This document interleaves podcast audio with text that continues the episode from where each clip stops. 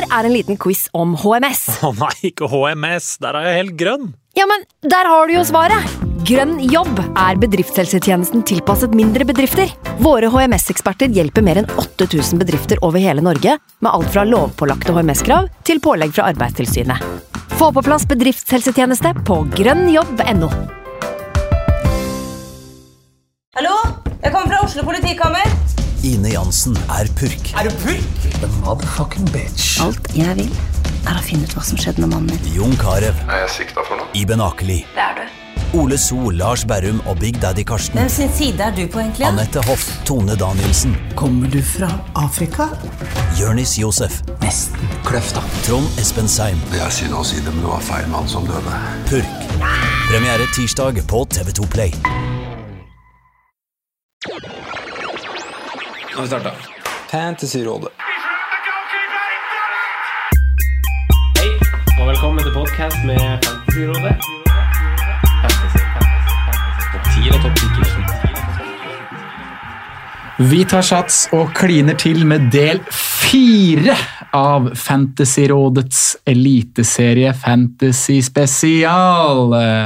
Mitt navn er Sondre, og som forrige uke har jeg med meg Franco Ostad Rocher.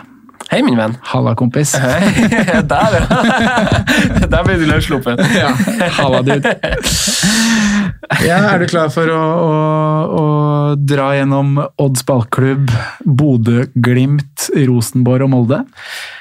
Ja, jeg er det. Jeg har eh, gjort heimeleksa på, på de to lagene jeg har hatt eh, ansvar for. Og jeg kan jo bare avsløre det med en gang at jeg har hatt veldig gode kilder på informasjonen jeg har fått, men det er jo kilder som vil holde seg anonyme. Anonyme kilder. Ja, Ja. Så, så jeg kommer til å gi litt sånn uttrykk for at uh, det her vet jeg fra før av, så det må bare lyttere forstå at jeg kommer til å fortelle som om her, her, det her vet jeg. Har du en kilde på innsiden av Rosenborg, Franco?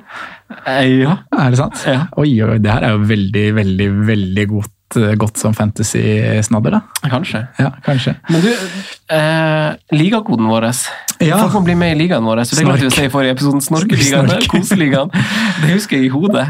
R1 fire setter. Ja. Her er en, fire, sett, sett, sett, sett, sett. Det er en uh, søvnig liga, så det er bare å melde seg inn der, og så så kan dere se hvem som er best. Det blir en liten premie til vinneren. Det blir det alltid. Det gjør det. Det blir i hvert fall en kopp. ja. De har faktisk smak. Folk har spurt om å, å kjøpe, å kjøpe kopper. Ja, men Det er det unikt med de fancy rådekoppene. Altså. Ja, ja, det er ikke mange av dem i, i omløp. Nei. Jeg kan telle på to hender. Jeg ga jo en til mamma veldig tidlig i Fantasyrådets uh, tid, levetid. Eh, hun var tidlig med å få kopp, Mm. og da, da kom hun til meg liksom sånn et halvt år senere og bare ja, Pappa, pappa hinta litt nå frampå. Oh. Hvor- Hvorfor, har ikke han fått noen kopp? Da, da betyr det liksom ganske det gjør det, Fordi jeg, jeg, gjorde, jeg gjorde ikke det samme, men jeg skulle Altså jeg hatt ansvar for å sende ut de her koppene. Ja. Så på et tidspunkt skulle, skulle jeg sende ut tre eller fire stykk, og så skulle jeg sende noe annet hjem til hun mamma og pappa i nord. Det der er fin Og så, og, og så vet jeg altså jeg, altså jeg visste jo ikke at jeg hadde sendt feil, for det er jo åpenbart uh, det som har skjedd. Og så, så fikk jeg jo plutselig et, et bilde av han pappa som har, uh, som har tatt, tatt en, en selfie med Fantasyråd-caps på, og så koppen hvor han holder opp, og så er han jo storfornøyd. Men det har aldri liksom slått meg at oi, det kan jo kanskje dere synes også er litt kult å få. Ikke sant? Jeg skjønner, jeg skjønner ikke hvorfor de syns det er kult, men uh, Selvfølgelig, det er jo stas. Det er jo gutta våres produkt. ja, Ja, ja, de er, de er, ta er del i vårt liv, ikke sant? De er veldig stolte. Jeg syns, vi er flinke. Skjønner jo ikke bæret av hva vi driver med. Hun mamma hører på det lell. Ja, gjør det. Ja, ja, sånn, eh, sånn mens hun hyggelig, går tur og sånn. Ja. Ingen idé om hva vi har snakket om. Det handler vel veldig my mye om å bare få høre stemmen din, ja, tenker jeg. ja, det gjør det. Og det er litt ekkelt, for mamma, mamma fant jo ut gjennom podkasten at, jeg- jeg bannes. Hun, hun, tror, hun, oh, hun behandler jo fortsatt meg jeg, jeg har jo den type mor som behandler meg som en åtteåring tidvis. Hun trodde jeg skulle si at hun fant inn med podkasten at du skulle bli far, men det var ikke så ille. Nei. Nei. Ja, det var bra. Eh, Skal vi hoppe på? Vi hopper rett på, vi. Første lag ut er Odd. 12. august 2001 var jeg som 11-åring for første gang på Odd stadion. Jeg fikk se Erik Holtan stå i mål, Anders Rambekk skru kula i vinkelen, og ikke minst Edvin van Ankeren punktere kampen til 3-0 mot Stabæk. Tror dere det ble van Ankeren lagt meg da? Du husker ja. Ja, det ble det. Du, du husker den, eh, den kampen? Jeg husker den kampen Eller var det godt. sånn at du måtte google? Og, Jeg googla datoen. Men da ble jeg jo litt frelst, da. Ja. Og fra den dag så har det, selv om jeg har vært Vestfold-gutt, så har jeg hatt en ekstra kjærlighet for, eh, for Odd, altså. Eh, Jeg har sett mange timer med fotball fra Skienslaget. eh, Og vært egentlig litt sånn land og strand rundt for å se de spille kamper. Ja. Eh, hadde en, var en liten kompisgjeng der som reiste Vi la vel faktisk opp en høstferie, hvor vi kjørte Bergen-Haugesund for å få med oss både 4-0-tap i Bergen, for så en cupfadese borte mot førstedivisjonslaget Haugesund i cupfinalen semi. Eller cupens semifinale. Ja. Så det var en, eh, var en veldig kjedelig tur som fotballmessig, men eh, gøy å være på bilferie med, med gutta krutt. Mm. Eh, Odd har imponert, etablert seg som et topplag i Norge, må man kunne si det. Eh, for mange er jo klubben ganske trist, kjedelig og grå. Eh, og man kan jo godt forstå at det er sånn. Eh, og nå er jo kanskje det som har vært fargeklatten, fargekladden, eh, Dag Eile Fagermo, eh, borte, da. Og for en som er glad i Odd, og som liksom ønsker at laget skal gjøre det bra, så jeg må si at det er på en måte veldig spennende, men det er samtidig veldig skummelt. Eh, Jeg tror det var på tide, både sunt for Fagermo og sunt for, for klubben, å prøve noe nytt. Eh, Men så er det jo det om de Prøver man noe nytt? Det er det som er spørsmålstegnet her. Det er jo Jan Frode Nordnes som tar over, eh, og han er jo på mange måter han er jo på mange måter Odd. Han det? Spillekarriere fra 99 til 2006. Eh, så har han vel noen år borte der, men så har han vært trener i klubben fra 2008 og, og frem til i dag. Altså, han er trener i Han har vært assistenttrener under- Fagermo nå i veldig mange år. Ja. Eh, så det er jo det, det er lite forandringer som skjer i Skien. Det er, eh, det er, det er en ny stemme, da. Kanskje litt mer behagelig stemme å høre på enn det, Dag Eile Fagermo har. Eh, Så sånn sett er kanskje det positivt for, for gutta i garderoben. Eh, Men som forandringer i spillestil, spillestil, spillesystem, det er det ikke. Det er fortsatt 4-3-3. Eh, sånn, Han har jo vært assistenttrener under Fagermo, så de har jo jobba tett i mange år.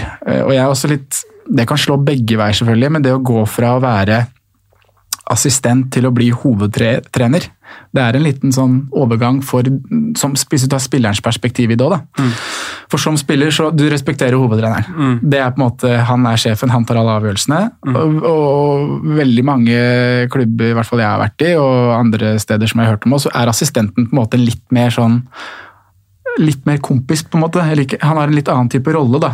Eh, Spillerutvikler slash assistenttrener. Tar de samtalene med spillerne som kanskje ligger i, i skorpa. Mm. Du blir benka den matchen, da tar du en prat med assistenten, prater litt. Så det å gå fra å være den, eh, ha den rollen til å plutselig være hovedtrener, eh, det er en forandring. Og spillerne må på en måte snu litt om hvordan de ser på Jan Frode Nordnes. Assistent Hvordan har til Jan Frode Nordnes manager. er som fyr? For jeg, jeg vet jo at det, det er jo litt sånn Se på Liverpool, se på Rosenborg. Det er jo Mm. ikke han Horneland som, som kjører øh, de fleste øvelsene på trening. Så, så hvis de har på en måte det forholdet til han Nordnes, at han på en måte er den som at han har på en måte står bak mye av øvelser på trening, Mm. det taktiske aspektet ved det som faktisk skjer, og, og Fagermo har hatt en mer sånn motivatorrolle, lederrolle om du vil, så, så, så, så kan det jo være at, eh, at de på en måte har tillit til- og respekt for han fordi han, det- han er så faglig sterk. Ja, og det tror jeg han er òg. Jeg vet ikke åssen det har vært på feltet, altså. men jeg kan se for meg at det kanskje er litt sånn som du beskriver. Eh, så, så det blir spennende å se. Jeg tror ikke det er noe uting, altså, men jeg bare reflekterer rundt at det kan jo slå begge veier. Ja, ja. Uh, Men i fjor så overraska det jo mange. Eh, Personlig hadde jeg veldig trua. Det er fordi jeg har trua på lag som bygger klart spillsystem, har kontinuitet på spillersiden. Eh, Spillerne vet tydelig hva som er deres roller. Eh, Men i år så er det liksom, det er en del flere spørsmålstegn. Da. De hadde en bredere og bedre stall i fjor, i mine øyne. Hjemme på Skagerrak så dominerte de. Tapte ikke en eneste kamp. De hadde tolv seier og tre uavgjort. Eh, Oi. Det er bra. Ja, notatblokka fram. Ja. Eh, likevel så ble det bare fire clean sheets på hjemmebane, så de var ofte litt sånn 4-1, 3-1. Ja, hadde Ja. noen i sekken der. Borte så gikk det litt tråere. Det var jo det som gjorde at de ikke klarte å henge med, henge med topplagene. De ble hekta utover der, men borte så hadde de tre seire, de hadde fire uavgjort, og de tapte åtte matcher. Så tråere på fremmed gress. Mm. Kun to clean sheets på, på bortebane, altså. Ja. Så var det én mann som eh, på mange måter bar laget alene litt i fjor. Da. Han blir jo selvfølgelig fora, men Torgeir Børven skåret eh, 21 mål. Eh, 25 målpoeng totalt. Og da av odds 45 mål, så er han altså involvert i 25 av de. Så det er jo rimelig rått.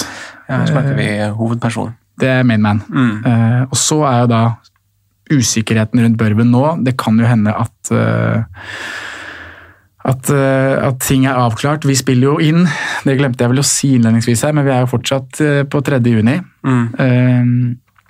Så ting kan jo ha skjedd med kontrakt, men sånn det er nå, så går kontrakten til Børven ut 1. juli. Ja.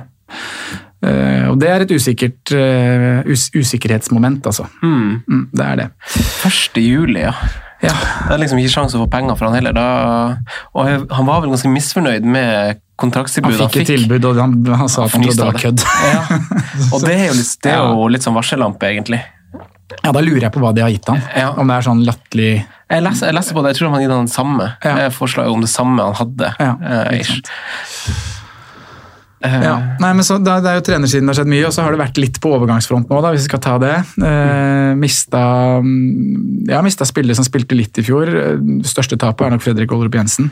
Ja. Eh, han har gått til Vålerenga. Og så er det spillere som på en måte var litt sånn ut og inn. da. Eh, Delaveris, eh, Jonas Samuelsen. Eh, ja, spesielt de to. André Sødlund var ikke mye spiltid på han. Eh, men Oldrup det er en svekkelse. Det er en god spiller. Viktig i den dype rollen 4-3-3. Hvem som tar, eh, hvem som tar ankerrolle der nå? Der sies det nå at det er eh, Bjørtoft. Bjørtuft Jaså. som drilles inn i den dype. Og han vikarierte jo litt der i fjor. Ja. Eh, Står jo som forsvarsspiller på spillet. Ja. Men ryktene skal ha det til at på feltet så er det han som drilles inn i den dype rollen. Mm. Med da Nordkvelde og eh, Vebjørn Hoff Ja, som indreløpere. Ja. Hoff skada per dags dato, uh, 3. juni, men det er ikke noe alvorlig skal vi strekke seriestart. da. Mm. Uh, Og Nordkveld er jo en fantasymann. Eh, Det har han jo vært eh, i mange år. Jeg syns prisen i år blir litt for stiv. Syv millioner. Mm, Men han er på, på watchlist, altså. For er- han er en spiller som kommer seg ofte inn i boks og gode avslutningsegenskaper, og også vært litt straffetaker. Mm. Men det er vel kanskje på kantene jeg syns det er mest urovekkende. Eh, Elbasan Rashani skal ha den ene kanten, den er grei, men på andre kanten så er det nysignering Kachi, som har kommet fra Sandnes Ulf. Eh, og der har jeg fått litt delte, jeg har hørt litt rundt, litt delte, delte rapporter. Jeg snakka med min keeperkollega Aren Christensen, som har spilt med Kachi i Sandnes Ulf. Har ikke sjans. Dummeste fyren du finner. Sånn. Jeg kan ikke skjønne at han hadde kommet seg til Eliteserien i Odd. Eh, og det kom bare til å gå totalt eh, falle totalt igjennom. Eh, mens jeg fra en annen side har hørt at Kachi er eh, ganske klink i elver. Eh, sett veldig bra ut på trening og kommer til å ha start fra, startplassen fra start. da. Så jeg, jeg stoler mest på, på siste kilde der. Ja. Eh, Men at det kanskje kan være et for høyt nivå for Kachi, det, jo, det får man jo bare se. da. Han eh, Ti mål på 30 kamper i Obos-ligaen i fjor. Eh, Jeg har ikke sett noe av Det var noen ham. målpoeng i treningskampen, var det ikke det? Jo, det var kanskje det. Skårte han ikke? Ja, Sjekk FBL Viking på Twitter. Ja. så Bak der så er det jo da Det er jo Bilal Njay, da, men uh, angivelig ganske langt bak i køen. Ja. Hvordan Kitolano er det som er her? Joshua? Ja. Kan, kan, kan man kan forvente Indreløper. Ja. Eh, Det er jo da konkurranse selvfølgelig mellom eh, ja, Hoff, Ja. eh, Nordkveldet, Kitolano er der. Joshua, som du sier. Og så har du Kåsa, Kaasa. Markus Kaasa. Jeg blir litt sånn, jo, jo, jo mer vi, vi snakker om Odd, og du nevnte det med trenerskifte, men ikke spille stil, eh, hvordan, hvordan det rent psykologisk kommer til å, å spille inn på, og hvordan det blir mottatt av andre lag. For du gjør en ny treneransettelse, du har en mulighet til å, å komme med en X-faktor, eh, og, så, og så gjøre noe nytt. Eh, det er jo et Odd-lag som tilsynelatende har spilt med en veldig lik stamme i veldig veldig mange år, samme spillestil i veldig veldig mange år, og så skal det bare videreføres. Så har man på en måte da har du mista den der overraskelsesmomentet med å få en ny treneransettelse. Sånn, her, her kjenner ikke til hvordan kommer han til å gjøre det. liksom, og man, man har på en måte møtt det samme Odd-laget i mange år, da, Ja. både med spillematerialet de har og spillerstil, så, så hvis man det er, jo, det er jo lettere sagt enn gjort, da, men hvis man gjør hjemmeleksene sine på treningsfeltet, sånn, så vet man ish, altså, i Man hvordan man kommer, stopper Odd, ja. hva, hva, som, hva du møter. Ja. Og da er jeg litt, sånn, litt skeptisk til det om kvaliteten er Om det er godt nok, da, i hvert fall sånn breddemessig. Med Ja, tanke på kamp, være, ja. kampprogrammet som er såpass tett som det er nå. Mm. Uh, og så er det jo Børven-situasjonen. Ja. Hvis han forsvinner, så er det jo Tobias Lauritzen som, eh, som skal inn der. En spiller som Han bøtter jo inn med mål i lavere divisjoner. Ja. Eh, gjort i tredje divisjon, gjort i andre divisjon for Odd 2. Oi, det er bra. Eh, ja, han, er, han, er, han skårer alltid hat trick på meg når vi møter Odd 2. Det er det sikreste spillet du finner på oddsen. det. Um, og også fått en del innhopp i Eliteserien, men enda ikke klart å Han fikk vel kanskje én scoring i, for to år siden, men i fjor så tror jeg ikke han fikk noen scoring, og det har bare blitt målgivende pasninger på, de- på de minuttene han har fått. Mm. Så det er jo et eh, ja, lite varsko da, hvis, hvis Børven blir solgt. Har du Børven i laget ditt? Ja, jeg har Børven i laget mitt. Ja. For det er jo en veldig sånn situasjon man altså Hvis han blir, så har man han jo, Mm. pga. av åpningskampen der spesielt. og Ja. Det er jo litt sånn som dere var inne på. jeg synes eh, Det var veldig god informasjon å hente i den første episoden dere snakka om, om de, då, altså, i, i de dårligste lagene. Ja. Og man liker jo litt sånn som jeg sa i forrige episode, du liker på en måte å starte det med sånn du tror er safe, der du kan begrunne best de valgene du gjør. Mm. Og da vil du jo gjerne ha spillere som møter nettopp Start og Sandefjord kanskje tidlig, i lag som er litt sånn uro, nyopprykka, det skjer litt rør. Mm. Eh, så, så man vil jo veldig gjerne ha han Børven på laget sitt fra start pga. nesten bare åpningskampen. eh, Ja, han er jo klink-kaptein. Ja, ikke nesten, eller ikke klink-kaptein, men i hvert fall veldig godt kapteinsemne mot Sandefjord. Han er det, altså. Mm. Men nå har vi jo tatt litt på det offensive. Det, er jo, det er jo en del defensivt her som er verdt å nevne òg. Det er jo backer som skal øh, være med offensivt. Det er jo en del av spillestilen til Odd. Mm. Det er også en grunn til at bekkene er prisa til det de er. Du har Risa på seks, du har Ruud på 6-5. Mm. Der er det jo dødballfot, frispark. eh, Begge tar for så vidt litt cornere, og så Ruud med frispark og potensielt straffer, da, hvis han er ja, Hvis de andre ikke er på banen. Mm. Men Er det, eh, så det er ikke Børven som tar straffa? Jo, men hvis Børven ikke er og, Ja, okay, så er det plan B. ja, Så er det Kvelde, Nordkvelde som ellers er på der òg. Så rekkefølgen er jeg litt usikker på. Mm. Men i hvert fall seks øh, og seks-fem, Mm. tenker du? Eh, det er nei-mat fra meg, egentlig. Eh, litt som, eh, som du sa før vi trykte rekord, så er det sånn du, du føler ikke helt sikker på hvor du har Odd eh, under, under situasjonen akkurat nå. Jeg har hatt et par drafts med han Risa i, Mm. på bakgrunn av det du sa, og jeg syns Du må rette på meg om jeg tar feil, men jeg syns han var ganske bra i fjor. Han var veldig god. Ja, så, Han er jo et salgsobjekt. Han. Ja, så jeg er litt sånn tror hvis Odd gjør det bra, at han kommer til å få en god sesong. Mm, og litt underbetalt. Han fikk jo fem målpoeng, men det var eh, flere ganger i innleggsposisjon hvor man bare tenkte at her skulle du hatt noen litt skarpere foran deg i boksen. Ja, på en måte. Ja. Det var noe som glei gjennom og litt sånne ting. ja. Så jeg liker, liker for så vidt den, selv om jeg syns seks blank er litt mye. Men igjen tilbake til programmet, da. Sandefjord og Ja. sånn hjemme der lukter noe clean shit. Det er, jeg syns det. Men det, det er også liksom fancy Eliteserien eh, og den prissettinga. Jeg er ikke like skremt av en sekser på en forsvarer som jeg er i Premier League. Nei. Eh, så, så det, altså jeg føler at jeg har hvis jeg har råd til Nei, hvis, altså jeg har ikke noe problem med å ha råd til det hvis jeg vil prioritere det. på en måte, føler jeg. Det er ikke sånn at det går på veldig hard bekostning uh, utover andre viktige spillere hvis jeg velger å gå for en forsvarer ekstra til seks. Uh, så, så jeg skal ikke lukke Den står fortsatt på, døtt, på gløtt, den døra. står på døtt. Ja, den står fortsatt på gløtt, den døra til, eh, til Birk. Ja. Så er det sikkert noen som blir eh, Han er bare eid av 2% nå, men Fredrik Sem Berge er jo prissatt til fem blank. Ja. Eh, Men han har jo en kropp som har slitt veldig de to siste åra. I hvert fall 2018 var det jo veldig mye ute med skader. Og det her med tett kampprogram er jo ikke noe som er fordel han. Eh, Men er han frisk, og, så, han skal jo spille sammen med Steffen Hagen. Er han frisk nå, da? nå skal han angivelig være frisk. Hva er slags plager han har hatt? Er det bare sånn ulike ting? Eller ja, Det veit jeg faktisk ikke hva er for noe. Nei, for Jeg har fått med meg at han er mye ute, men det er i så fall en veldig fin vei inn. Det kan være det, Eh, men igjen, så plutselig er det noe, og så må de da kanskje dytte Bjørtoft ned og, og sånne ting, for han er jo opprinnelig stopper.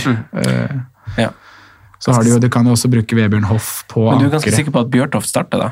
Eh, som spilleren til fem, som står som forsvarsspiller, om så som defensiv midtbane, men du tror han er i startoppstillinga til Odd per i dag? Ja, Det er da basert på en, en eh, kilde. Ja. som, han blir drilla som anker på feltet og Ja. er liksom tiltenkt den rollen. da. Mm. Eh, Så har de jo Vebjørn Hoff som kan spille der, og også et veldig stort talent ved navn Filip Jørgensen, 02-modell, som ikke er lagt inn på spillet. Som også kan som visstnok kan være en Oldrup-erstatter sånn på sikt, da. Mm. Men han er, jo, han er jo ikke gamle karen ennå, så han trenger jo noen år på seg. Men kan kanskje ta steget i løpet av sesongen eller neste år. Men hva, hva du tenker om, eh, om Rashani, da? For han Mm. altså Jeg ble litt sånn Jeg syns prisen der kan være fin. Ja, er det ikke det? Jo. For jeg ble litt sånn positivt overraska over at eh, det kan være en fin pris, altså. Mm. millioner, millioner, Ja. ti målpoeng i fjor. Mm. Uh, ja. Han er jo en god fotballspiller. Mm. Jeg er bare spent på hvor mye flyt de kommer til å ha offensivt, med tanke på at Børven skårte 21 mål i fjor, og overpresterte jo. Ja. Han fant på en måte flytsonen. Mm. Eh, og Rashani er jo ikke den som skårer så mye selv. Det er vel eh, det er jo tilrettelegger på en måte han først og fremst er, da. Mm. Men absolutt watchlist å, å følge med på. og Blir jo på en måte i samme kategori som Sandberg og, og de vi snakket litt om forrige uke.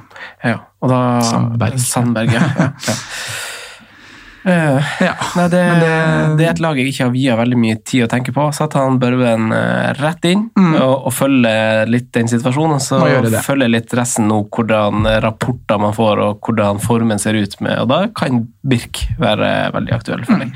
Jeg liker tankene dine. Mm. Vi eh, hopper videre til, eh, til Rosenborg. Ja. Eh, Eirik Horneland førte Rosenborg til, til tredjeplass i sin første sesong som, eh, som Rosenborg-manager. Publikum sviktet, spillere murret, eh, og det hele var ganske betent og intenst gjennom hele 2019-sesongen. I fjor så endte de 16 poeng bak seriemester Molde. Det er mange poeng.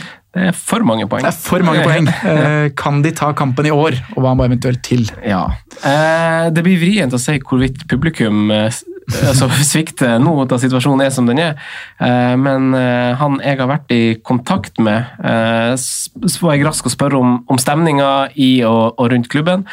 Og han var tidlig å si at jo, du, den, den stemninga i klubben var dalende også under perioden med, med Kåre. Eh, da, så den, den sparken kom jo fra som lyn fra klar himmel på mange.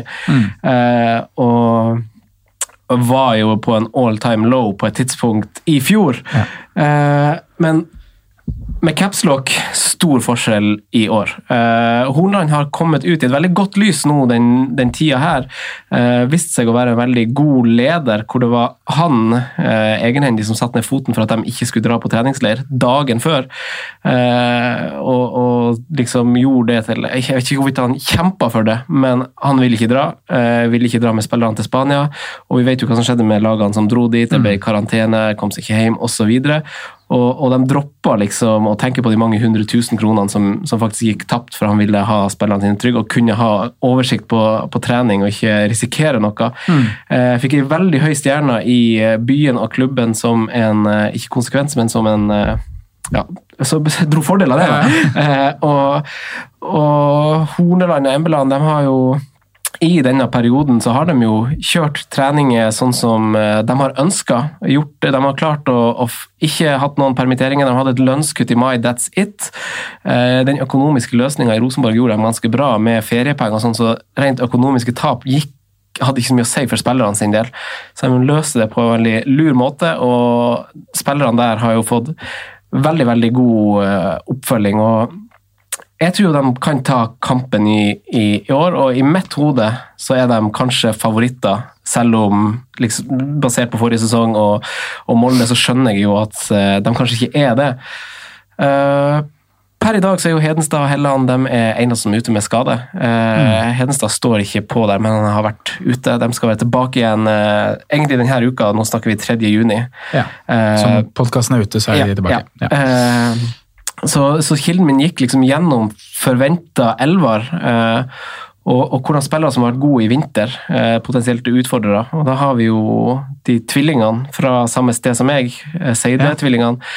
Han ene er jo ikke, han som spiller, stopper, er jo på en måte ikke noe konkurranse der, men vi har jo han kantspilleren. Eh, og de har jo gjennom vinteren fått en helt spinnvill fysikk. Eh, han fortalte om eh, sett på, eh, altså på treningen hvordan Dahl Reitan har ikke sjans mot Emil Seide. Han, sp han spretter av han.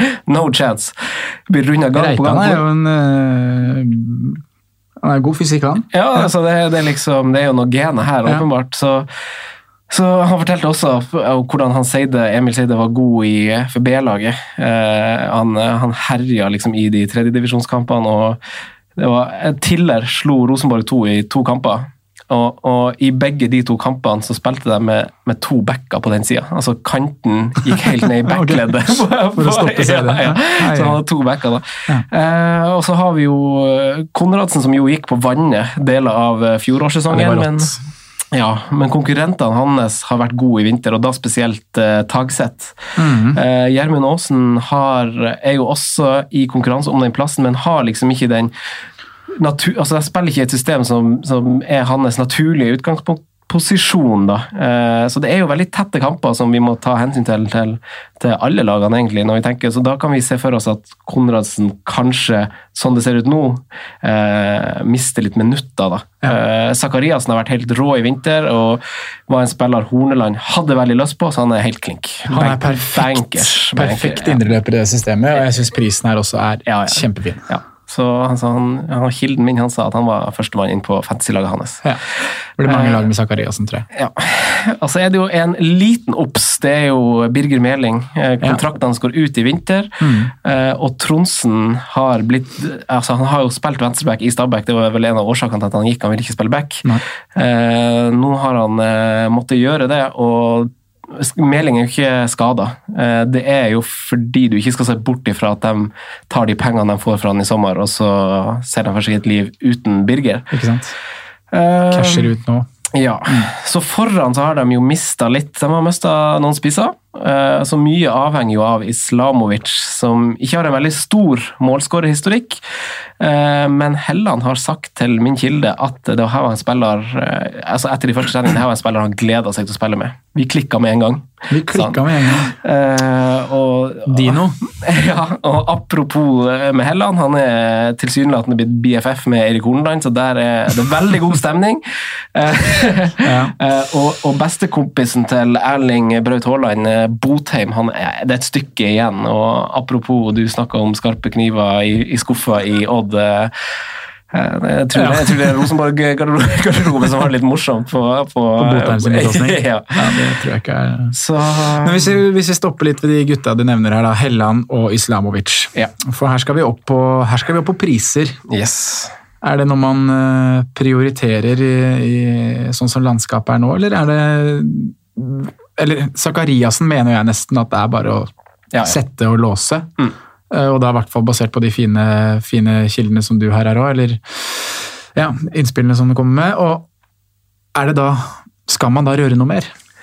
Ja, det er spørsmålet. For jeg, jeg har jo vært Og det blir uh, igjen det man in the stand poengsystemet mm. for bonus.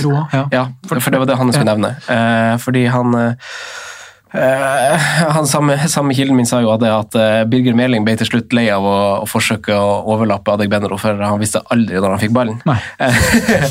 Og og det, der er jo litt også å si det, kanskje. De er litt sånn lik der de er glad i å drible og holde på ballen, og så skjønner man ikke helt som lagspiller hvor, hvordan man har det. Og der kommer jo Dino inn som et veldig godt uh, supplement, og han og Helland klikka bra. Så de to er jo klink i laget. Eh, og, og han det, det skal sies at det er ikke noe konkurranse for Islamovic sin plass. Uh, han har ikke noe målskårerhistorikk, men han blir visst å få en litt annerledes rolle i Rosenborg enn hva han hadde i Østersund. Han kommer til å bli litt mer fora foran kassa, Ja. i tillegg til å være litt spiss i møte, stor og sterk. Mm. Uh, så jeg, jeg har jo litt trua på at Rosenborg kan få en god start på bakgrunn av hvordan oppkjøring de har hatt, og hvordan stemninga er akkurat nå. Eh, Helland kommer til å bli klar, og man håper jo han kommer til å spille. Og så Jeg tror jeg kan Altså, jeg har jo litt trua på Rosenborg, jeg, da. Så jeg tror jo jeg kan finne på å kjøre to stykk. Ja. Eh, Men da er du på Sakariassen pluss Helland eller Isla... Is ja, ja, jeg tror, ja, ja, jeg tror det. Eh, og så, jeg, hadde, jeg hadde han Adegbenro bare for jeg syntes han er kul Mm. i laget mitt først, og så snakka jeg eh, med han karen, og så var det litt sånn eh, Altså, han, han Hans plass er ikke like freda som det er en skadefri Helland sin er. Nei, det er det jeg tenker, i hvert fall da hvis Seide har vært så god, tatt såpass store steg i vinter. eh, Og igjen tilbake til det med, med tette kamper, da, som vi nevner her hele tiden. Så er vel Adegbenro en spiller som har Han har jo hatt litt skadeproblemer, men det har jo Pål André Helland òg, for så vidt. Så, så ingen av de på en måte eh, ser jeg for meg kommer til å spille 90 ut og 90 inn her. Eh, det kommer kanskje til å bli litt sånn rullering på alt, all, begge to, da, og de har jo alternativer òg. Så kanskje rett og slett Islamovic til 10-5 er den man skal ha i tillegg til Zakariassen. Jeg det spennende. Jeg er litt frista av det. Jeg skjønner det, men det er den der målskårerhistorikken ja. som er veldig tynn. Har Ja. ikke, jeg har ikke sett på det, tallene, da, men du, Ja, ja, det er ikke noe sånn voldsomt å Det skryte av. det. Men eh, jeg har bare litt trua på en eh, god start. De har Molde i kamp to, da, som er spennende, så da må man jo være forsiktig med. Man har jo tre spillere fra Rosenborg som du forplikter deg at skal spille i kamp to, føler jeg. Hvis ikke, så det der kommer til å bli en fyrverkeri av match. Ja. Eh, Vi skal snakke om Molde etterpå. Ja. Det er ikke sikkert det er det dummeste å møte Molde tidlig. Nei, jeg har ikke Eh, noen Molde-spillere i laget mitt. Jo, ja. Gregers. Gregers. Ja. Og jeg tror jo, ja, Vi skal tilbake til Molde, men defensivt der jeg, det, det, det kommer til å slippe sin mål. Ja. Og da, ja. Men defensivt i Rosenborg, da? For jeg var jo litt nysgjerrig på altså Man er ganske sikker på at Hedenstad starter på høyreback, mm. men han har jo nå bedre konkurranse i en eh, som spilte veldig godt for, for Glimt i fjor. Mm. Ja, eh, så den er jo plutselig litt spennende. Ja. Og så Reginiussen er jo nå blitt utnevnt til kaptein igjen, Mm. eh, så han er jo klink. eh, Tåler kroppen hans, en gammel mann, ish, et så tett kampprogram. Ja, Og så er, er det jo litt sånn åpent om Valsvik der. ja, det er det som er litt sånn åpent om kanskje han eh, var, var, rett og slett litt usikker da, på Mm. hvordan mm. to stoppere som kom til å være bankers, faktisk. Mm. For de har tilsynelatende vært gode alle mann, på en måte. Men er jo Hedenstad har jo vært den som, eh, som eh, har vært populær å velge. Eh, Seks assist og to skåringer i fjor. Jeg er nok der at det heller kommer til å gå Espen Ruud, hvis man liksom skal sammenligne spillere i den priskategorien. Hvis man skal gå for noe top dogs, eh, heavy metal-shit Ja, for da tenker, du, da tenker du målpoeng. tenker jeg målpoeng, og så tenker jeg også litt på, på posisjon i laget og spilletid. Altså. Du Mm. nevner uh, Dahl Reitan her, som hadde en god sesong i, i Bodø-Glimt i fjor. Altså. Eh, han kan snike til seg minutter, han. Mm. Fra Han kan det. Hedenstad. Han kan det. Plutselig starter Hedenstad en kamp på benken. Ja. Så, så sånn sett så er jeg litt nei takk til hele forsvarslinja i Rosenborg. Ja, helt. Skal Tronsen, om han skal spille Out of venstreback position ja, til 5-5, da. Ja, så det blir det, blir det motsatte out of position som vi søker. Ja. Så da er hvert fall hvis han kommer rundt gang på gang, men aldri får kula, så er det jo bare, bare nei.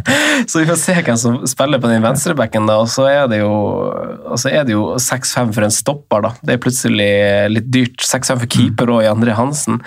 Uh, det, Ja, det litt- det er mye å investere. Uh, de har Men hauser vi Sakariassen for mye, eller? Er det to streker under svaret her? Det, var, eh, det er jo åtte målpoeng i fjor, ni målpoeng året før det er, elleve målpoeng 2017 i Sarpsborg. Mm. Vi ser jo bare for oss at det her blir enda bedre som indreløper i et lag som kommer til å kjempe om gull. mm. Ja. Jeg tror eh, Det er vanskelig å si om han, eh, hvor god han kommer til å være, men jeg tror det er veldig bra valg å starte med, Mm. egentlig. Pga. På grunn av eh, matchen hans med spillestil, et lag som, som kanskje kommer til å starte sesongen bra. Han er rett inn i laget, så jeg tror kanskje det er en fin vei og fin pris. 8-5. Ja, det er det som er så, innbydende. Så, ja, så det løser på en måte en del kabaler, føler jeg. Mm. Mm. Men de har jo en altså I motsetning til Molde, som vi skal snakke om etter hvert, en litt tynnere tropp. Det er ikke så mange Eh, strenger å spille på hvis de skulle bytte litt endring av kampbilder, sånne ting. I hvert fall ikke på Eller jeg har noen kanter, da, men sånn spissplassen er jo, som du sier, Botheim har en vei å gå. Mm. Ja. Han det, Der Molde har to spisser som skåret over 15 mål i fjor. Ikke sant?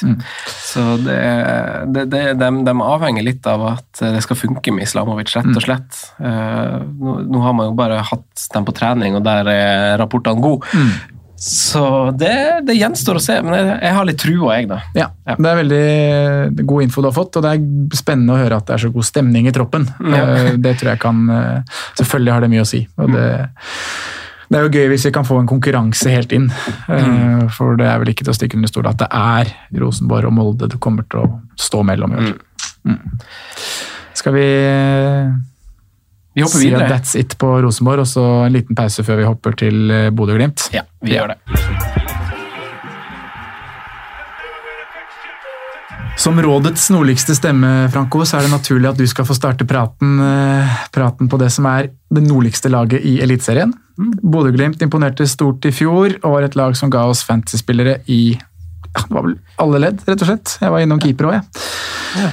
Populære menn som Evjen og Laioni er nå borte, men Bodø-Glimt står fortsatt godt rustet for sesongen med en god bredde i stallen. Eh, Glimt er også av klubbene som ikke har permittert noen spillere under koronatiden. Eh, Hvordan tror du det kan ha påvirket gruppen, og hva tror du generelt om eh, Bodø-Glimt i år? Det med permitteringer tror jeg At de har unngått det, tror jeg jo er veldig, veldig bra. Ledende Eh, spørsmål. ja.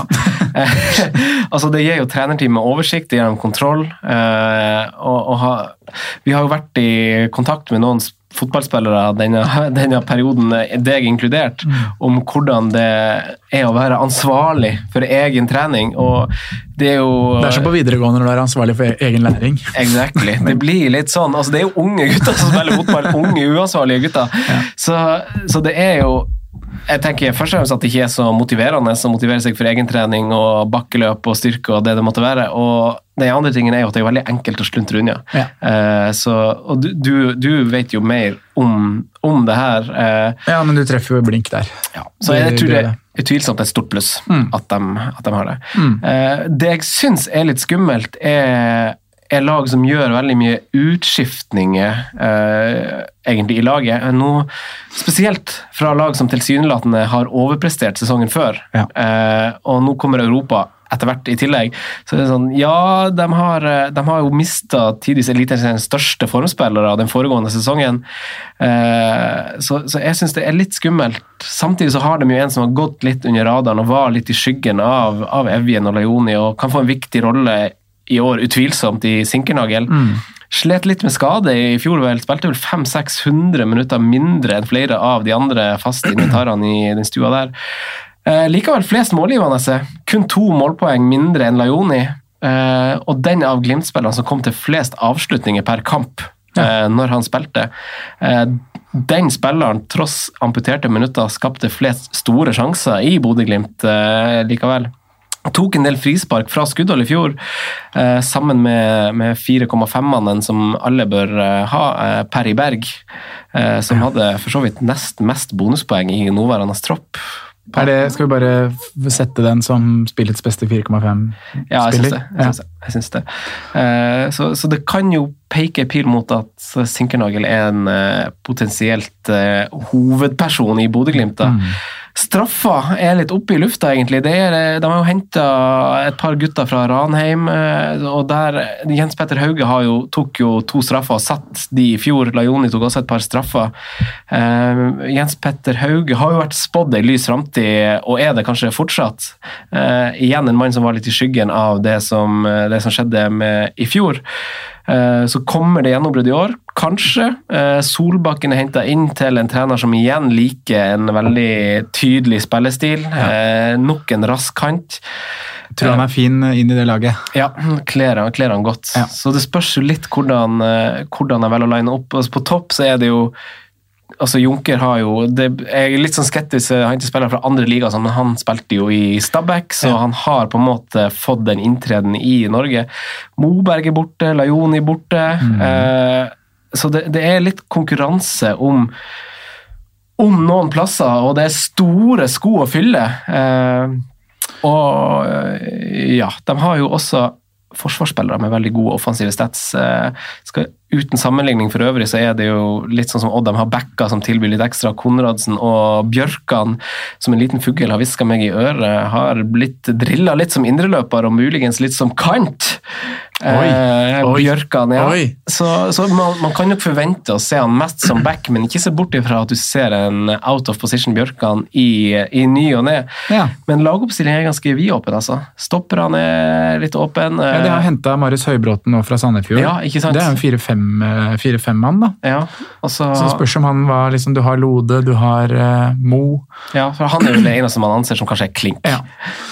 Så det er jo det er litt konkurranse der om den andre andreplassen, kanskje. Det er det, og da er det jo en potensiell joker, men tar man, det blir igjen liksom, kanskje enten vente og se, eller så er det å følge med nå på preseason. Men det jeg syns med Glimt, da, er jo at de har mista veldig sentrale spillere. Eh, De kom på en veldig god plassering i fjor. Ja.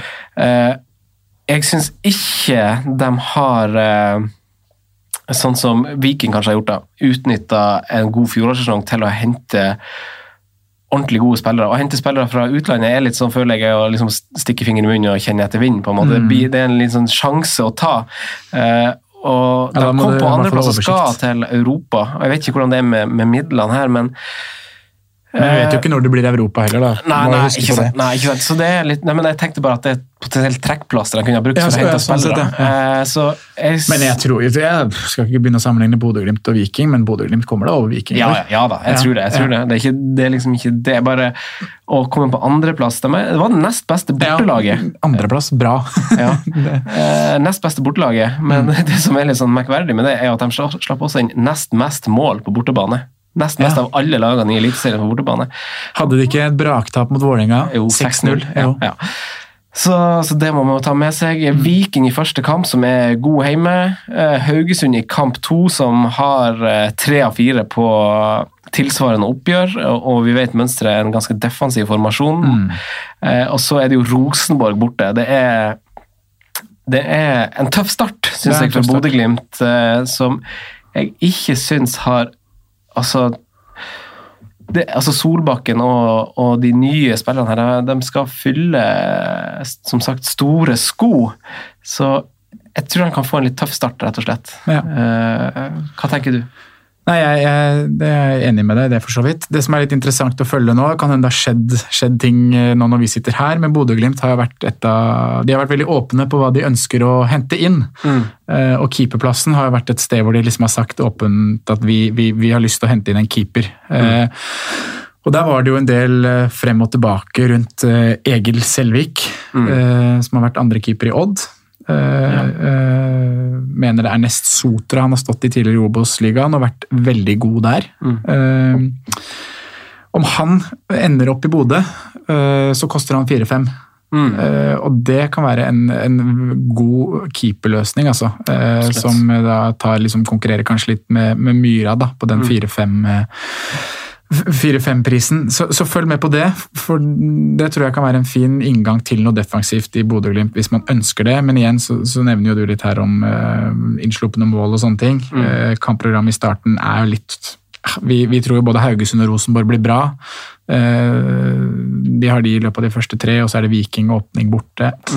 Kanskje ikke man trenger å være involvert defensivt fra start, men hvis Egil Selvik signerer, eh, og han blir eh, førstekeeper der, så i løpet av sesongen, kanskje. Vi er jo der at vi, vi liker jo å treffe på perioder med keeper. Det er ikke set and forget. Nei, vi er av den Vi er av den oppfatningen, i hvert fall. Så er jeg jo spent på topp her, da. eh, Hvordan de løser det med De har Kasper Junker, og de har eh, Boniface. Boniface. Eller Boniface. Bo Boniface. Boniface. Eh, Begge er prisa til åtte, så det er jo åpenbart at det er Det er jo en åpen plass. Mm. Begge er valgt ca. likt. 6 og 4 Mm. Men ja, jeg deler synet ditt. Sinkernagel er vel egentlig den ene, eneste jeg har sånn på, på watchlist fra start. I tillegg til Berg, da, Ja. som er inne. Ja. Og da har man jo plutselig Da har man jo tatt en plass der, da. Mm. Hadde de ikke hatt en så tøff start, så er jeg ganske sikker på at de starta med Bjørkan. Så hvis man, hadde det, ja? ja, hvis man hadde hatt et fint kampprogram til å begynne med Du syns ikke prisen seks er litt for stiv? Ikke med tanke på det du sier om indreløper og kant, kanskje? Ja, nei, uansett, uansett så, er føler jeg på en måte i fjor, ja. Hvem, hvem det er man konkurrerer mot? Det er liksom Birk Risa og et par, par andre sånne. Espen Ruud. Men jeg har jo vært litt der at jeg ikke har brukt så mye penger i forsvar på de draftene jeg har laget så langt. Ja. Jeg har et par dyre i mine drafts, altså. Mm. Eh, men jeg har jo, jeg kan komme tilbake til, jeg har jo, jeg har jo et eh, Jeg har jo en Gregersen, men jeg har ellers et Molde-løst lag. Ja. Og det kan vi komme litt tilbake til hvorfor, men eh, det, det, er, jo, det er jo veldig subjektivt. Mm. Det kan jo bite meg bak som bare det. Det kan jo det. Men eh, Ja. men ja, nei, jeg, har- jeg har Jeg tror Glimt gjør det ok, men jeg tror ikke de følger opp like sterkt. Jeg tror de får en litt tøff start. Eh, jeg tror Sinkernagel kommer til å bli bra utover sesongen. Ja, så Eh, er Kanskje bra for start, han kommer til å skåre mål, så, Ja. så han er på en måte Jeg vurderer å starte med han. Både Hauge og, og Solbakken egentlig på litt sånn watch, Ja. watchlist. For det er sånn, hvordan, altså de, de kommer jo til å stille en, en trio på midtbanen. Saltneset, Klink, Berge, Klink. mm. Så har de jo Eh, hentet han Skytte, da. Sammy Skytte. Ja, Ja. vet du noe om han? Nei, ikke noe annet enn det man så i Stabæk i fjor. Nei. Så det er jo Ja. Og så skal Solbakken ha en kant. Sinkernagel Ja, og så er sånn, Blir Sinkernagel brukt i liksom en litt sånn framoverlent i tre, trioen på midten, eller blir han brukt som en brytespiss? Mm. Eh, de har jo spilt litt med i hvert fall én typisk kant, eh, så, så det er vel det er vel litt forventa at Jens Petter Hauge og Solbakken kan konkurrere litt om eh, den ene plassen. Ja. Eh, men samtidig så er det jo åpning for at, eh, for at de kan spille begge to. Eh, dersom, hvis som at, at det lar seg gjøre, at de finner det som er beste løsning. Men Jens Hauge hadde jo voldsomt med målpoeng, egentlig, med tanke på minutter i fjor. ja, Spilte- to par straffer og skåret det på de. Ja, Så har, Spilte litt, han spilte ca. 1000 minutter. Syv skåringer, tre assist. det er bra, altså. Veldig bra. Ja. Solbakken òg, ni målpoeng, fire skåringer og fem assist for Ranheim. Mm. Det er bra, det òg. Det er bra når man Ja. tenker på hvordan klubb det er for. Ja, det er det man må ta i perspektiv. Altså. Ja, det er noen spennende, spennende, spennende navn, altså. Så det blir gøy å følge Bodø-Glimt også i år, og det er jo et lag man på en måte kan forvente litt eh, underholdning ved å se på. Ja. Det er fint. Skal vi hoppe til Molde, som du er litt eh, skeptisk til? Og du, kanskje? Kanskje. Ja. må jeg vente og se. Må vente og høre. Jeg må, jeg må gjøre meg opp en mening eh, underveis når jeg prater her. Ja. Nei, men Fjorårets seriemester de hadde jo, som Odd, da, eh, 13-2-0 på hjemmebane. Mm. Kun ti baklengs i sekken hjemme på, på Aker stadion. Eh, 72 mål skåret de totalt. Det syns jeg var litt interessant. eh, for du, du, var, du, var vel forrige episode du nevnte at eh, Molde var et av de lagene som hadde bomma på flest store sjanser. Mm. Så kunne blitt mye mer. Kun Haugesund som var bomma på mer. Ja. Og også to spisser som jeg nevnte i stad, med, med 17 og 15 mål, da, pluss én midtbanespiller med 11. Eh, alle de er fortsatt i klubben, eh, og de har jo egentlig bare forsterka seg offensivt. Uh, Brynildsen inn eh, betyr at de har fått enda en streng å spille på på det, offensiv, på det offensive der. Mm. så han har, noe, han har noen luksusproblemer, Erling Moe, når han skal line opp en elver. Altså. Han har det. Eh, Men hvis vi tar starter bak, da, Mm. så er jo ikke bredden lenger like god som den kanskje har vært. da. Nei? Vi vet jo at Gabrielsen har gått, eh, gått til Frankrike. Ruben. Eh, Ruben. Så han er eh, ut dørene. Og så kjenner jo alle sikkert som hører på til Forhund-saken mm. og situasjonen der. At han også nå er, er ferdig, i, ferdig i Molde. Så det betyr jo at mm, når vi sitter her 3. juni, eh, så er det kun to rene midtstoppere i det Molde-laget som egentlig kjenner til nivået. Eh, og Det er Gregersen, som er prisa til fem, og det er Bjørnbakk, som er prisa til 5-5. I tillegg så er det Martin Ove Roseth, eh, som kun har innhopp å vise til i Eliteserien. Om han har noen minutter i det hele tatt, litt usikker på. Men han har i hvert fall en del Obos-ligaminutter. Eh, både vært på lån i Sogndal og Levanger, om jeg ikke tar helt feil. Men de har jo vært ganske tydelige på det, at de ikke kommer til å hente inn noe erstatter. Ja. Uh, og det har også prøvd å drille litt sånn, jeg har hørt både at Ellingsen har blitt drilla litt som stopper, uh, sammen med Skjølstad. Mm. Så de ser liksom på noen, på noen muligheter for å omskolere noen av de midtbanespillerne. Når du har 450 midtbanespillere, så er det kanskje greit å omskolere en eller annen av de til, til midtstopper. Eh, og det er gode ballspillere, som, så, så, så det kan jo være et alternativ, da. Mm. Eh, men jeg vil gjerne høre litt mer om begrunnelsen på hvorfor du bare har én per nå. Eh, det er jo litt fordi at jeg eh, liker ikke å ha klubber hvor, det, hvor fokuset ligger på så masse utenomsportslig. Eh, det er veldig mye fokus på den forrensaken og, og hele greia. Det er litt sånn ubeleilig med sånne type ting. Nå tipper jeg jo de klarer å holde seg profesjonell på feltet og gjøre en, gjøre en god jobb, Eh, men jeg syns det, det ødelegger litt for et et perfekt utgangspunkt, eh, om man kan si det sånn. Og så er det tapet av to, to stoppere som, eh, som, var fast. De hadde i fjor Linde holdt bare syv clean sheets. Det er blodfattig. Ja, det er lov å si bare, altså. Ja, ja det er det, når, når du har Austbø med elleve og Sandberg med ti. Ja. Eh, så da så da er det, er det litt skuffende, men så er jo starten litt tøff, da. Eh, Jeg kan på en måte skjønne at du det er litt det. Ja, det litt. Ålesund, eh, nyopprykka, eh, borte der i første runde. Vi snakka litt om det i del én, Simen og jeg, at ja, kanskje det er et greit tidspunkt for Ålesund å møte Molde, som ligger litt nede. Du sier utenomsportslig fokus, eh, lokaloppgjør. Mm. Jeg tror det kan bli en smell. Ja. Og Eh. da ikke sant, smell i Ålesund, og så får du besøk av Rosenborg. Mm. Har du to smeller, da? Muligens, Ja. men jeg tror i hvert fall at eh, den Ålesund-kampen er, er ganske tøff. Mm. Tøffere enn hva den er på papiret. Nyopprykka lag. Du, du sier det er et derby, det er et lag som cruiser ganske greit gjennom Obos og, Som skårer mål. og har medvind. Eh, egentlig. Det, det snakkes jo godt om eh, Ålesund kontra de andre nyopprykka lagene. Ja, Eh, og- det er jo et lag man har en forventning til. ja. så, så jeg tror eh, om Molde skulle vinne, så snakker vi ikke noe kalas. Eh, Sliteseier. ja, jeg tror det. Men jeg tror, jeg tror fort også Ålesund kan ta det. Og så er det liksom kamp to som ikke frister å, å ha så mange involvert i, og så kommer jo fin kamp tre, da. Men det er jo den andre ting. Altså, det her kan jo kanskje du svare meg på, Mm. men, men hvis du ser på det kampprogrammet de har nå, Ja. og du ser på de fem første kampene, mm. er det noe du, du som biter merke i der? Uh. Fire, fire av de fem Ja, kampene er borte. Ja, fire av de er borte. Nei. Er, det, er det bare i Fantasy som ikke det er oppdatert? Ja, Ålesund borte, Start borte og Kristiansund er borte. Og Kristiansund er borte, ja. Ja, okay, ja, for da har de kampene kommet inn, for da er ikke det oppdatert her. Nei, for det er For det- litt, det- eh, det- nei, for det det, nei, for der er i de lagt inn fra 3. Ja, ja. Må ikke se på den. Nei, eh, men eh, det er jo en smell jeg kan gå på, men jeg tror jo Det kan fort hende jeg starter med, med Leke James, men jeg tror jeg styrer unna Eikrem til å begynne med, faktisk. Hvis vi tar, for Du har valgt Gregersen bak. da. Uh, hvis vi tar det litt den praten der, Gregersen versus Bjørnbakk, som er de to som skal starte som stoppere. Mm. Uh, der er du enkelt og greit gått etter å spare penger, ikke sant? Ja. ja. Jeg skulle gjerne hatt en back. Uh, Ja. altså Haugen og Haraldseid er jo begge altså Hvis du ser på, på offensive stats Mm. eh, på totalt spillere over Eliteserien, så er jo dem eh, altså to av totalt liksom fire backer på den lista, på en Mm. som, som måler seg med midtbanespillere på underliggende tall. Så jeg tror ikke du tråkker feil med å gå Haraldseid eller eh, eller eh, Kristoffer Haugen. Jeg tror ikke du tråkker feil, men jeg tror du må være kan være, Du må forberede deg litt på at det kan komme litt rotasjon.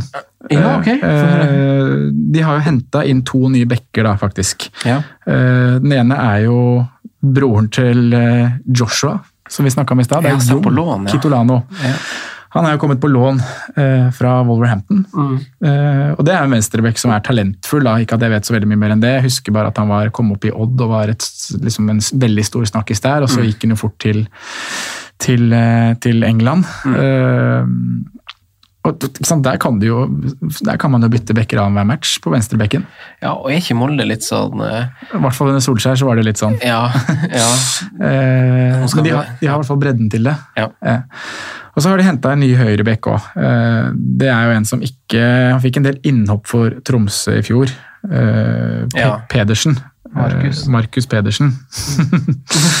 eh, men han blir jo beskrevet liksom som et eh, veldig, veldig stort talent. Mm. Eh, eh, rask, eh, forflytningssterk.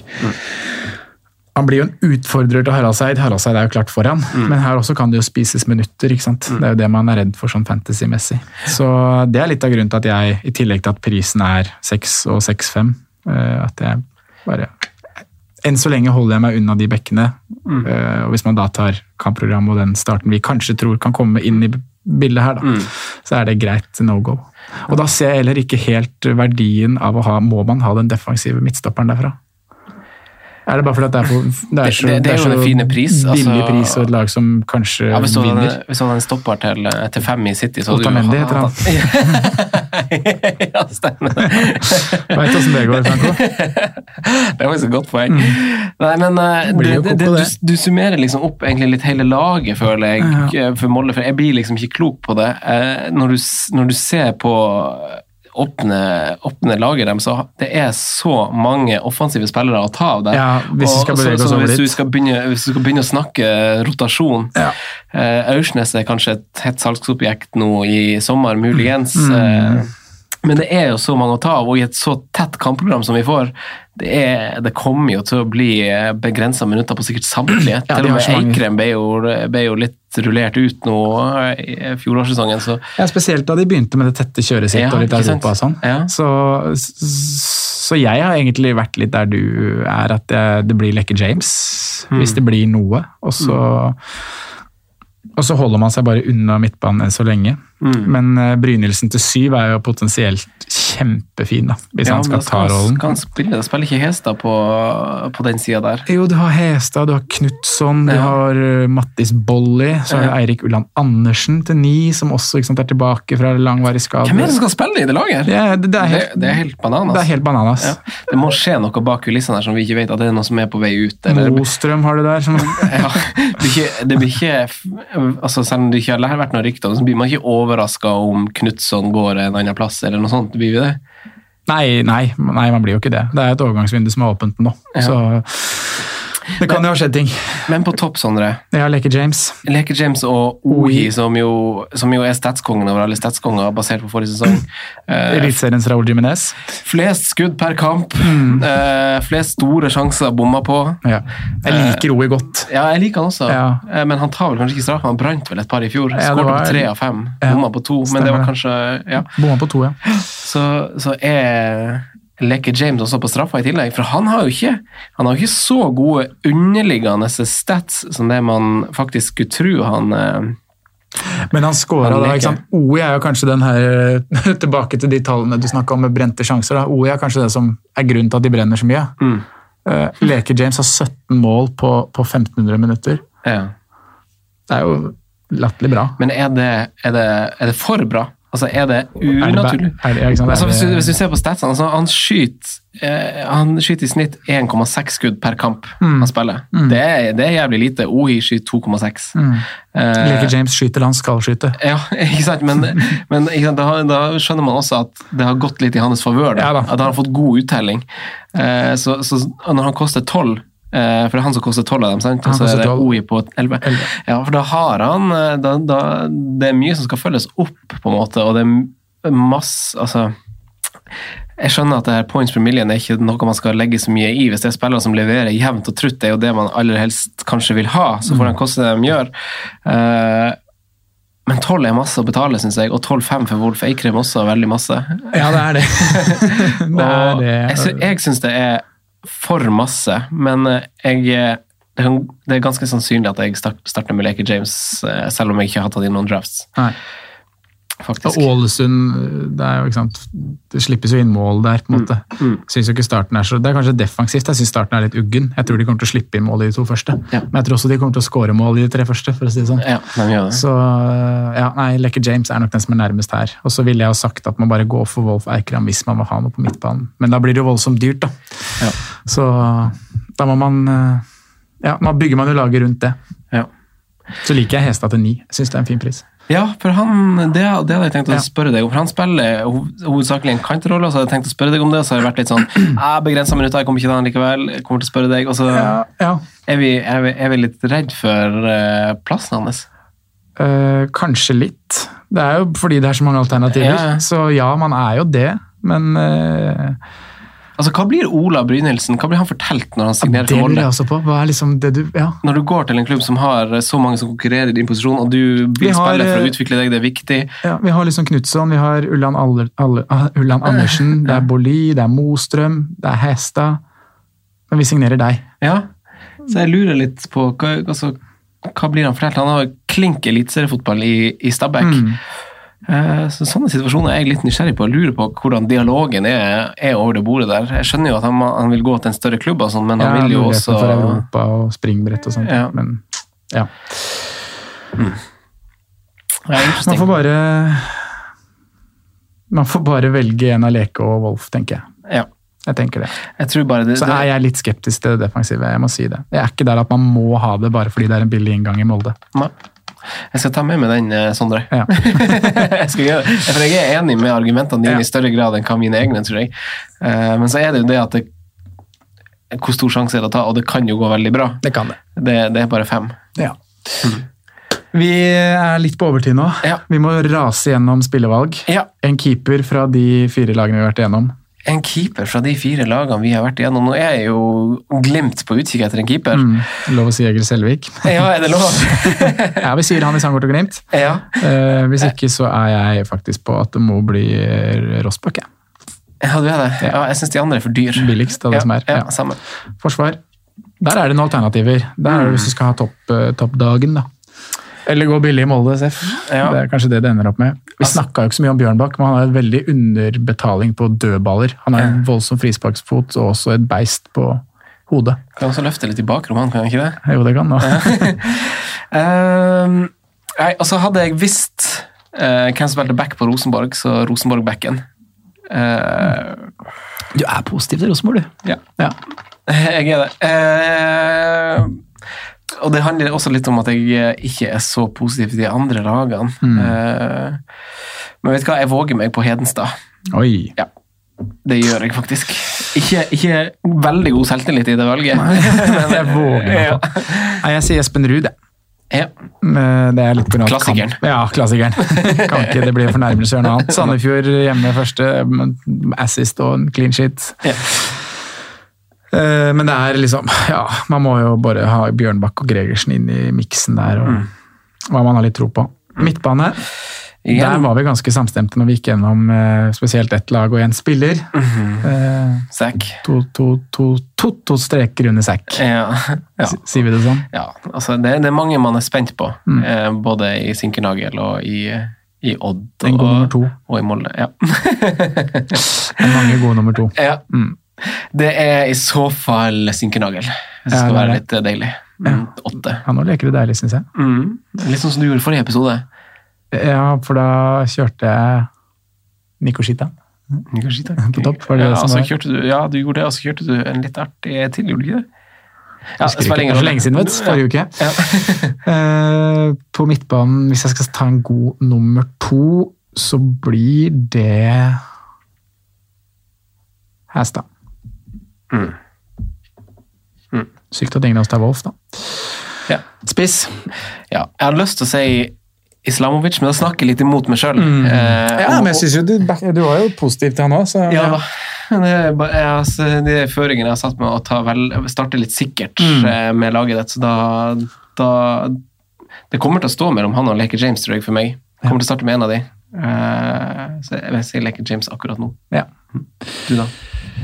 Jeg sier Torgeir Børven, jeg. Akkurat nå. Ja, faen, vi har vært innom Børven! Helvete, han glemte ja, det er selvfølgelig så lenge siden. Ja. Nei, Børven. Lett. Han Er han han er jo med så, så lenge han er i klubben. så Ja, han så kan man heller bare selge når han går eh, når overgangsvinduet åpner der. Ja. Jeg gjør det, altså. Ja. Mm. Leke James, god nummer to. Ja. Der var fire episoder med Eliteserien Fantasy-prat eh, unnagjort. Bra jobba, Sondre. Her er du god. Jo, takk for det, Franco. Her er du god. Bra initiativ. Ja, det er gøy at vi fikk til det her. Mm. Det var veldig artig å få snakke litt geitostball i Fantasyrådet sine podder òg. Veldig hyggelig at du var med på de to siste, to siste episodene. Klart. Eh, Kosestund med deg i studio er alltid veldig hyggelig. Eh, Det tror jeg lytterne satt pris på også. Jeg føler i hvert fall at jeg har blitt veldig mye klokere på eget lag. Det her fungerer jo som god For jeg spiller jo litt lettbeint eliteseriefantasy, men det her er veldig god research for meg å måtte grave litt for å snakke om det. Og Ja, har du et godt fundament, Også, ja, og høre om deg som kan så masse om det. Ja, ja, ja, helt ja. topp. Syns jo litt, jeg òg. Det som skjer nå, er jo at vi, vi fortsetter litt med eliteseriefokus på Patrion. Mm. Jeg kommer til å lage en episode før deadline, Mm. hvor jeg kommer til å gå gjennom mitt eget lag eh, og prate litt om hvordan jeg åpne kort er livsfarlig. Ikke helt åpne, men eh, semiåpne. Ja, det, det er farlig, altså. Ja, jeg, jeg, jeg, greit, da. Jeg skal ikke åpne kort. Jeg skal snakke litt om hvordan jeg står før jeg starter. Eh, så kan det hende jeg ringer en kompis eller et eller annet sånt uh, før deadline. Det, for å gjøre den praten, da. Tiden vil vise. Kanskje det blir deg. Kanskje det blir Amin. Kanskje det blir ja. Kanskje det blir det. Så har jeg avtalt noen, eh, noen ting som skjer med noen uh, eliteseriespillere og litt sånne ting. Så det dukker kanskje opp noe der utover. Så vil det bli et eller annet mellom, mellom hver runde. Ja. Så sjekk ut det hvis du er interessert i å holde eliteserieballen i gang. Ja. Mhm. Så skal vi i rådet må vel ha litt fancy Premier League-fokus etter hvert nå. ja, det. Jeg gleder meg til det også. Ja. Ja. Spennende blir det. Takk for at du hørte på. Takk for at du kom. Of course. Vi hørs neste gang. Ja, nå tenker vi å ta oss litt mat. Takk for at du hørte på vår podkast. Vi setter stor pris på om du følger oss på Twitter, Instagram og Facebook. Vi er fans i rådet på alle mulige plattformer.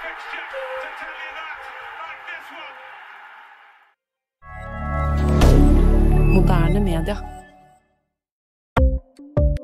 Ukens annonsør er Folio, en smartere banktjeneste for deg som har en egen bedrift eller ønsker å starte for deg selv. Folio er en superenkel nettbank for bedrifter. Som kunde i Folio får du en bedriftskonto med et bedriftskort og app. I denne appen er det smarte løsninger som forenkler regnskapet ditt, uansett om du har en liten bedrift eller et enkeltpersonsforetak. Folio er både intuitivt og brukervennlig, og er laget med et enkelt språk. I tillegg tilbyr de forutsigbare priser og ingen skjulte gebyrer. Skulle du likevel trenge det, så kan du snakke med deres raske og hyggelige kundeservice, og der får du prate med en faktisk person og ikke en chatbot. Folio er med andre ord både enklere og koseligere enn banken. Over 10 000 bedrifter har allerede valgt Folio som sin banktjeneste, så besøk folio.no og se hvordan Folio kan forenkle din hverdag også. Har du et enkeltpersonforetak eller en liten bedrift? Da er du sikkert lei av å høre meg snakke om hvor enkelt det er med kvitteringer og bilag i fiken, så vi eh, gir oss her, vi. Fordi vi liker enkelt. Fiken superenkelt regnskap.